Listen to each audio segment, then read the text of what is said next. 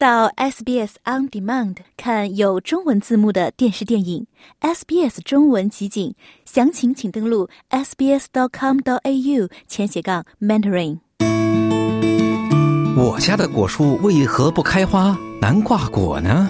有机肥、无机肥，琳琅满目的肥料该如何选择？对症下药。家庭园艺种植养护经验推广窍门分享。SBS 普通话电台园艺热线，每周五欢迎您拨打一三零零七九九三二三提问，听园艺高手在空中解答您的难题。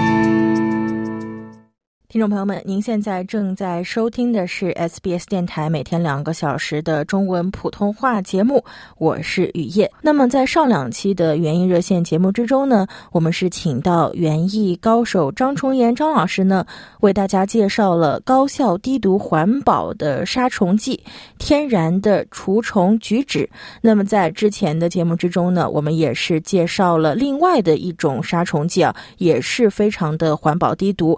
这种杀虫剂的名字呢是白油。那么，听众朋友们，如果是想更多的了解有关于这两种杀虫剂的相关的信息呢，也是非常欢迎您登录我们的网站 SBS 中文，或者是下载我们的收音机应用程序 SBS Audio 来搜索“园艺热线”，查看相关的内容。在网上呢，您也可以找到相关的图文结合的报道，也是更加方便您在日常的生活中去使用这两种除虫剂。听众朋友们，那么本期的原因热线呢，我们还是要请到张老师跟大家来介绍澳洲的杀虫剂啊。但是今天的这一款杀虫剂呢，是一种人工合成的杀虫剂，是什么呢？我们请张老师过来来介绍一下。张老师，早上好。早上好，主持人。哎，张老师。在过去的一个月时间中呢，我们是为大家介绍了两种比较低毒环保的杀虫剂啊，那就是白油以及除虫菊。那今天呢，我们要给大家介绍的是一种什么样的除虫剂呢？啊，叫乙除虫菊酯。嗯，它就是呢，因为除虫菊呢，它是天然的，啊，它非常好，哎呀，它作用快，哎呀，它使用的浓度呢比较低，它杀虫的。广谱就是呢，种类比较多，基本上是虫子呢，能够杀到、喷到都能起作用。还有呢，它最大的优点呢，一直用到现在有呃几百年了吧？嗯。杀虫到现在没产生抗体啊。还有呢，它对温血动物，因为虫子跟人跟哺乳动物不一样，啊，对对温血动物和人跟血人畜生呢。呃，这个很低毒的，万一你一不小心啊，要再吃东西再进去了，它的残留很低啊，对人的影响很小。还有呢，很快呢就通过这个消化系统啊，会会分解呢排出去。哎呀，那么还有你用在那个菜上呢，它残留很低的。嗯。还有呢，很快呢就分解了，所以。成为非常理想的那个杀虫剂。在前几期的节目之中呢，我也是听您分享到，在很多国家的这个农业标准来看，在使用这个除虫菊之后，在一天之后就可以采收，然后也是去可以食用相关的蔬菜。我觉得这个也是从侧面可以看出来，这个除虫菊啊，它也是一个非常适合我们在后院种植的时候去使用的一种。正因为它有这个优点，嗯，还有那上次那个白油，对吧？它是基本就没毒的，它不是杀虫，它是用那个油把虫子包裹起来，让它窒息而死，就不会产生抗体。哎呀，还有呢，成本很低，你自己家里也可以做。所以这两种呢，我是重点呢推荐给这个在家里边后院种菜的人呃使用。嗯，这呢又又环保啊，又安全啊。但是呢，就是。杀虫呢，有的时候啊，有的虫子啊，有也难杀，呃，因为这些比较低毒的，哎，它杀虫的效果呢，也不是个呃非常明显的，嗯。啊，还有呢，就是那个是尤其除虫菊，因为它来源什么呢？天然的，你必须种这个除虫菊，大量种，种了以后再从除这个菊花里边呢提炼出来，所以它这个来源呢，有比较有限，有限制啊。不能像工厂化啊，大量的生产，所以呢，就接下来就产生了一种呢，另外一种就类似的除虫菊，就是像人又不是人，啊，啊就是它外貌像，对吧？嗯另外呢，就是科学家呢就利用这个除虫菊啊，它的结构把它分析，分析以后呢，再加些东西进去，然后提高它的活性，呃，提高它对光线的耐受性。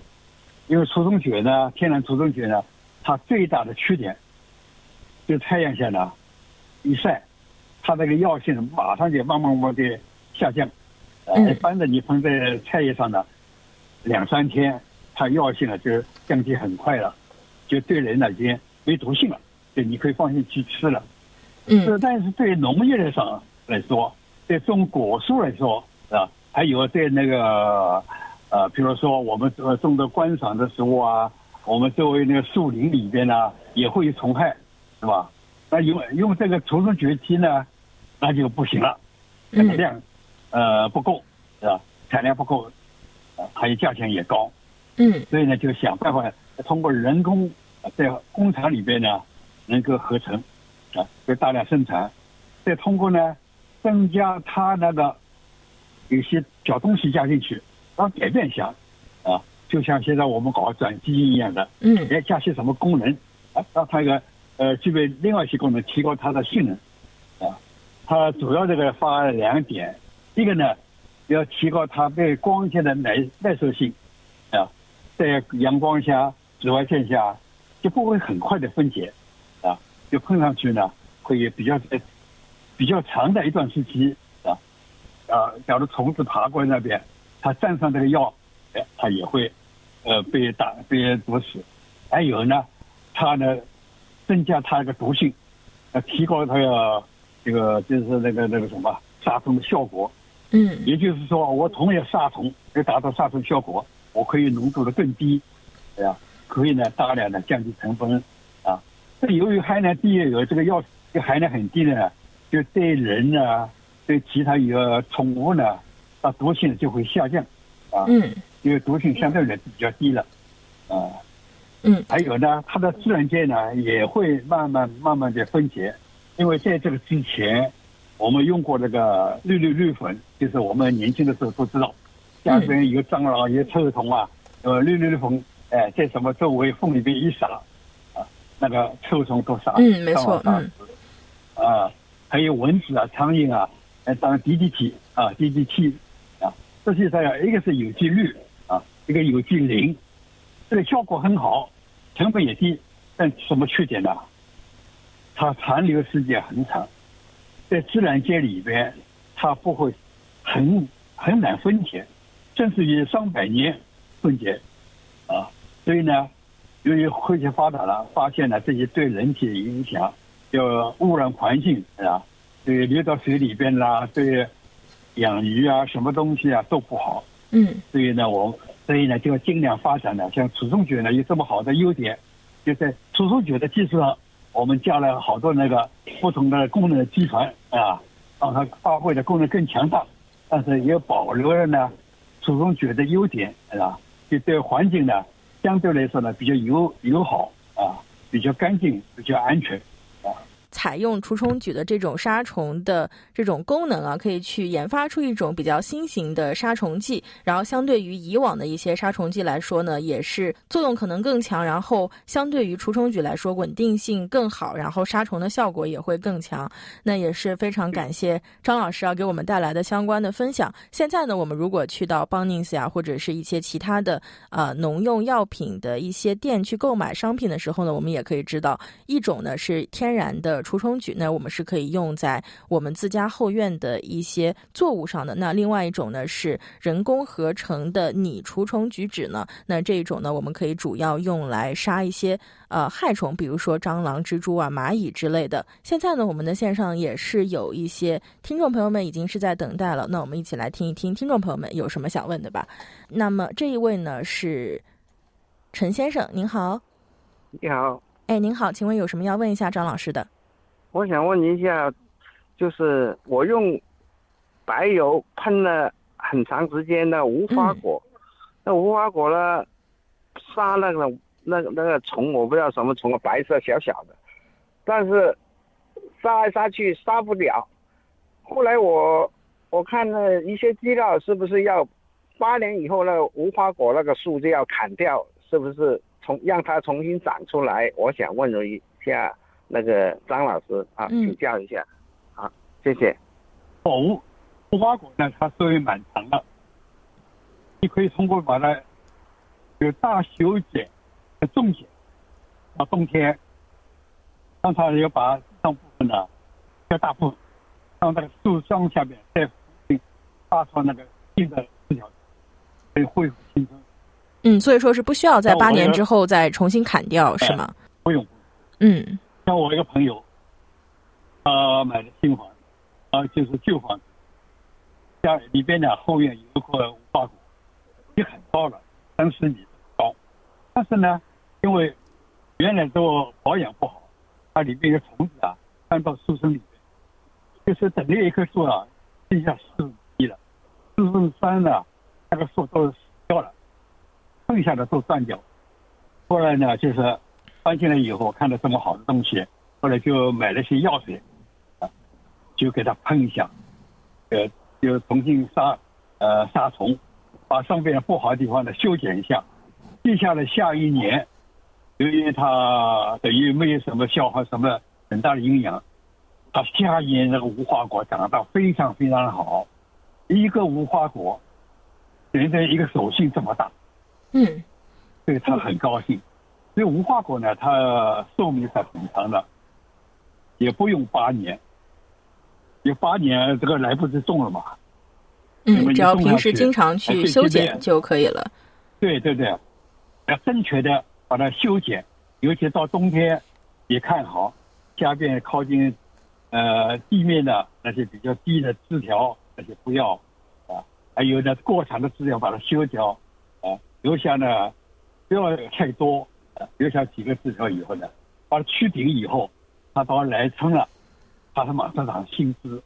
无花果有有一个特点啊，它的果不是长在老枝上面的。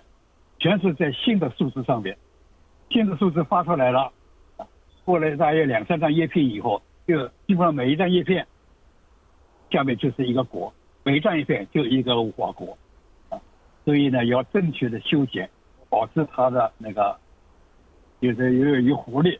嗯呃，我想问一下，修剪大概要收多少比较合适？因为那个枝条，枝条你说要修剪一下嘛，修到大概什么大概什么程度？哦，这个你可以呢是呃找有关的师傅，因为在这里呢讲起来很比较慢，因为这是比较范围比较广的，比如说它大剪，呃这个呃在在一般的春天啊这个秋天的时候，呃也可以中间的就轻剪是吧？大剪呢就要把它去塑形、塑光，就形成保持，因为它越长越大，我们不希望太大，把它往下剪掉啊。而平时呢，我们看到就没用的重叠的枝啊，在在在长在太密的枝，要把它去掉那个弱的，留下强的。这些都是呢，平时我们要经常去观察、去剪掉的。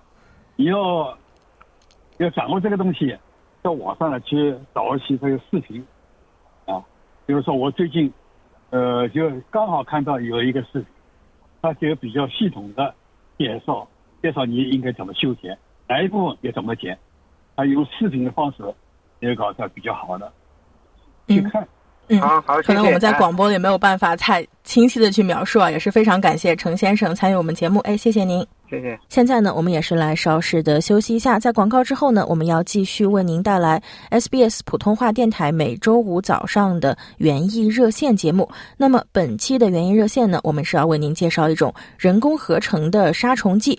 名字呢是拟除虫举止。听众朋友们，我们的热线电话一三零零七九九三二三一三零零七九九三二三目前正在开通状态。如果您有任何同园艺相关的问题呢，也是非常欢迎您拨打热线电话参与节目，听专家在空中为您答疑解惑。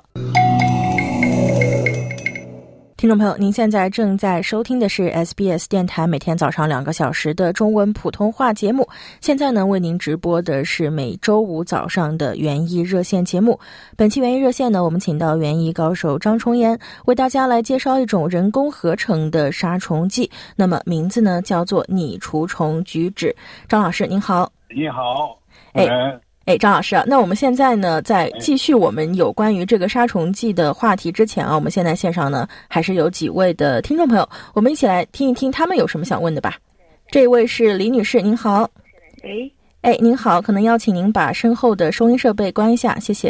哦关掉了。嗯，好的，好的，请问您有什么想问一下张老师的？张老师好啊，我就想问一下，我在那个院墙内侧，呃，零到一米这个这一这个边缘，适合种什么样的植物？因为空空的也不好。嗯，在院墙这一块可以种一些什么样的植物院呢？墙内侧，院墙内侧是吗？啊嗯，就对院子里嘛，就是离院墙零到一米这个距离内。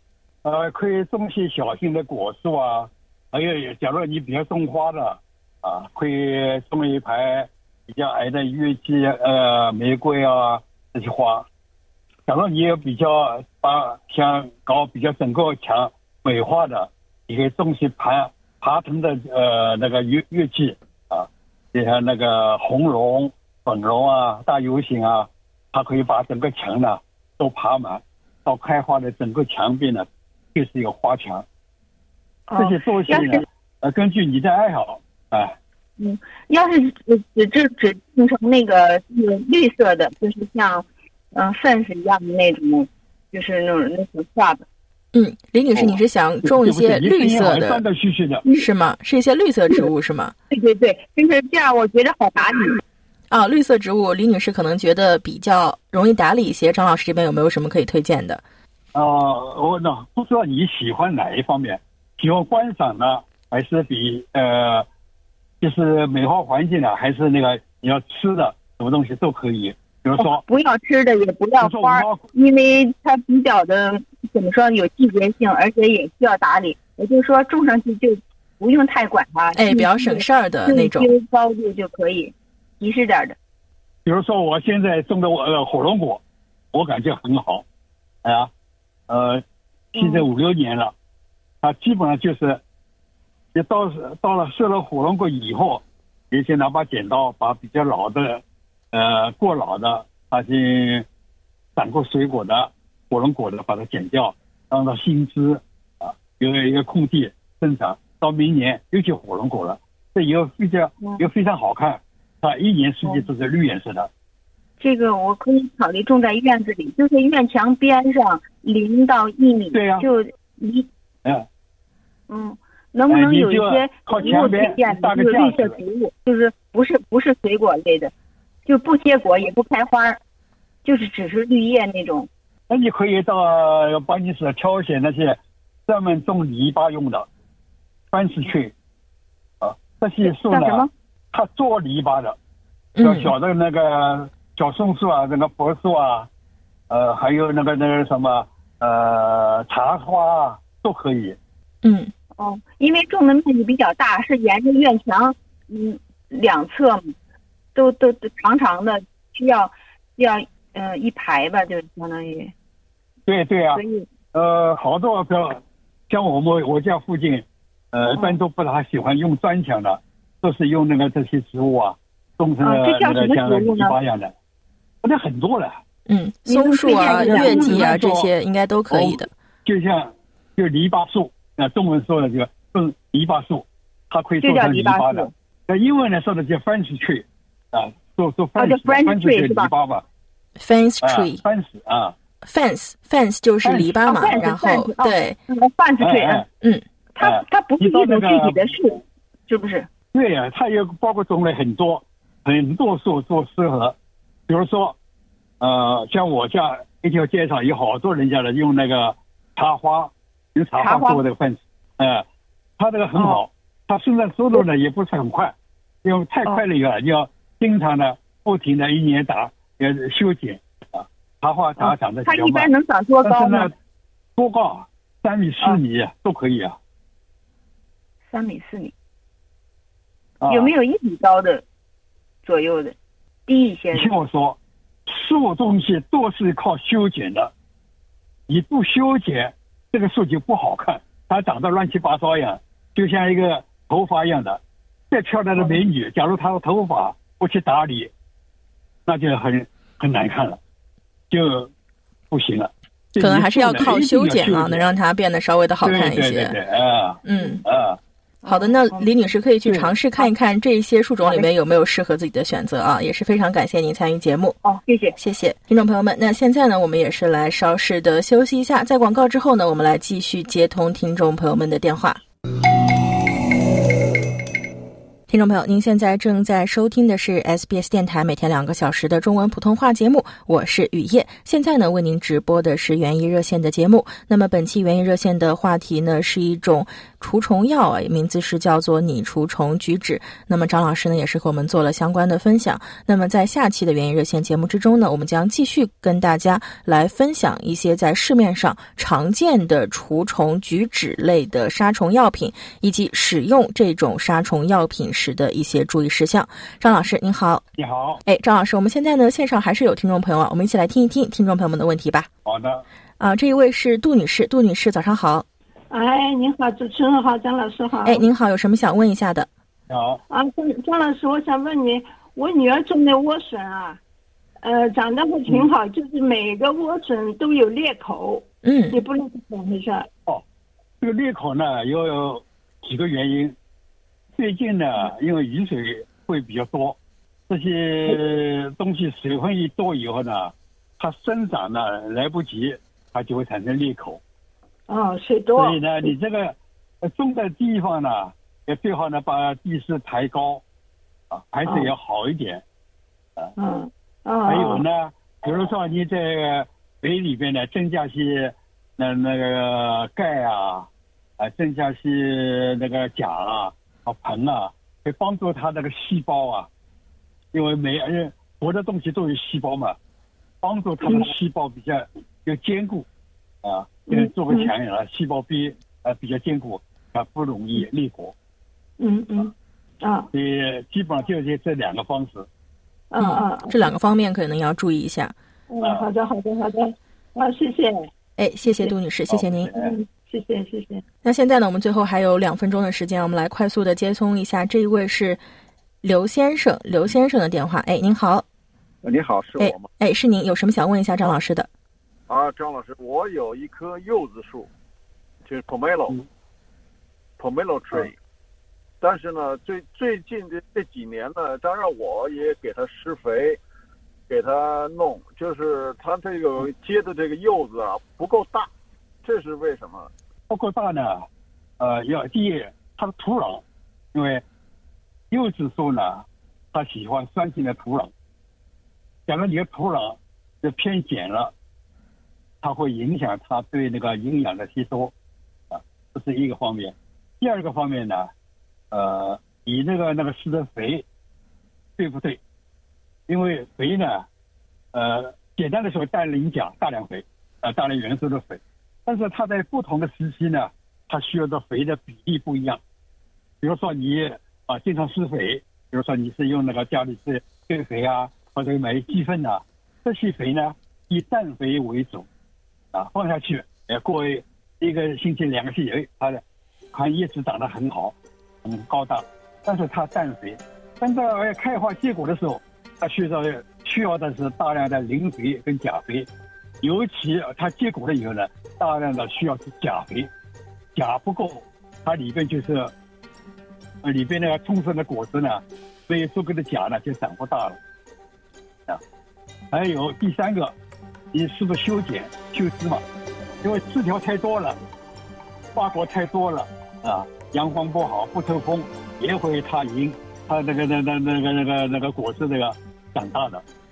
嗯，也是非常感谢张老师给我们带来的分享啊。那刘先生，如果您还想咨询张老师问题的话呢，也是欢迎您留在线上，我们在节目之后呢再来解答您的一些疑惑。听众朋友们，也是非常感谢您收听今天早上七点到九点的 SBS 普通话节目。啊，我还想问一下，就是那个我有一棵那个还还有一棵柿子树，嗯柿子树呢觉得非常非常好，没有什么虫子什么。只是那个 possum 经常来咬哈。这个是嗯。就是那个富优的那种日本日本品种，这个能不能结的更大一点？这个果实？嗯。切更大，因为呢，你种的位置好不好，阳光够不够，对吧？够第二个呢，啊。呃，你施肥，刚才我说了，凡是果树，啊。它要开花一些挂果了，看到有小果了，啊。你要增加那个钾肥。啊哦。钾肥哪里来呢？除了你家里边那个什么呃含钾的东西比较多一些的，哦。可以用什么呢？到那个搬运室去买那个肥料，你看上面图案都是上面画的都是各种各样水果的，它就是哦。正好你那个水果用的。哦。假如你平时经常有吃鸡粪的，你可以买一些那个呃磷酸二氢钾啦、硫酸钾啊，这些比较单一的钾肥。就我就是那个增加钾肥啊，可以提高它那个呃那个果实膨大。当然了，最好呢再施增加些那个硫酸镁，就是哦 Epsom salt，呃这些呢能够帮助里边的糖的合成，所以你这水果呢哦会长得比较更更甜。好的，这这磷酸肥磷酸肥在巴黎有卖的吗？呃呃，硫酸钾有的，磷酸二氢钾没有，哦所以呢要呃这个有的地方你可以去找找看。最主要的的呢，你还要修剪果树呢，一定要修剪，它是长得越枝条越多，花开的越多，说明果一个个就花了很多，这是好事，不是的。就像我们以前也是，因为我每都要有都剪了很多枝，而且它那个一开花一落果的时候，有很多小的我都给它剪下去了，对啊，我怕它分太分散那个营养。对对对，因为一个不好的小枝啊，或者也就是差枝啊，长得太密的地方，把它修掉些。因为水果的东西啊，也透供奉透光，它才能长得好。是是，有的时候觉得觉觉觉得舍不得。啊，对对对，我们刚开始种那个这些东西的时候啊，就是这一点，这个舍不得，那个舍不得，最后呢就是长不好。具体呢，你可以看一下我以前有关这方面怎么修枝啊，怎么果树怎么修枝啊，这这方面的内容。啊，你可好的以上网找一下。哎，好的，好的，嗯，好的，也是非常感谢您参与节目，哎，谢谢您。谢谢您。啊，不谢，哎。想听到更多这样的故事吗？您可以通过苹果播客、谷歌播客、Spotify 或者您喜爱的方式下载收听。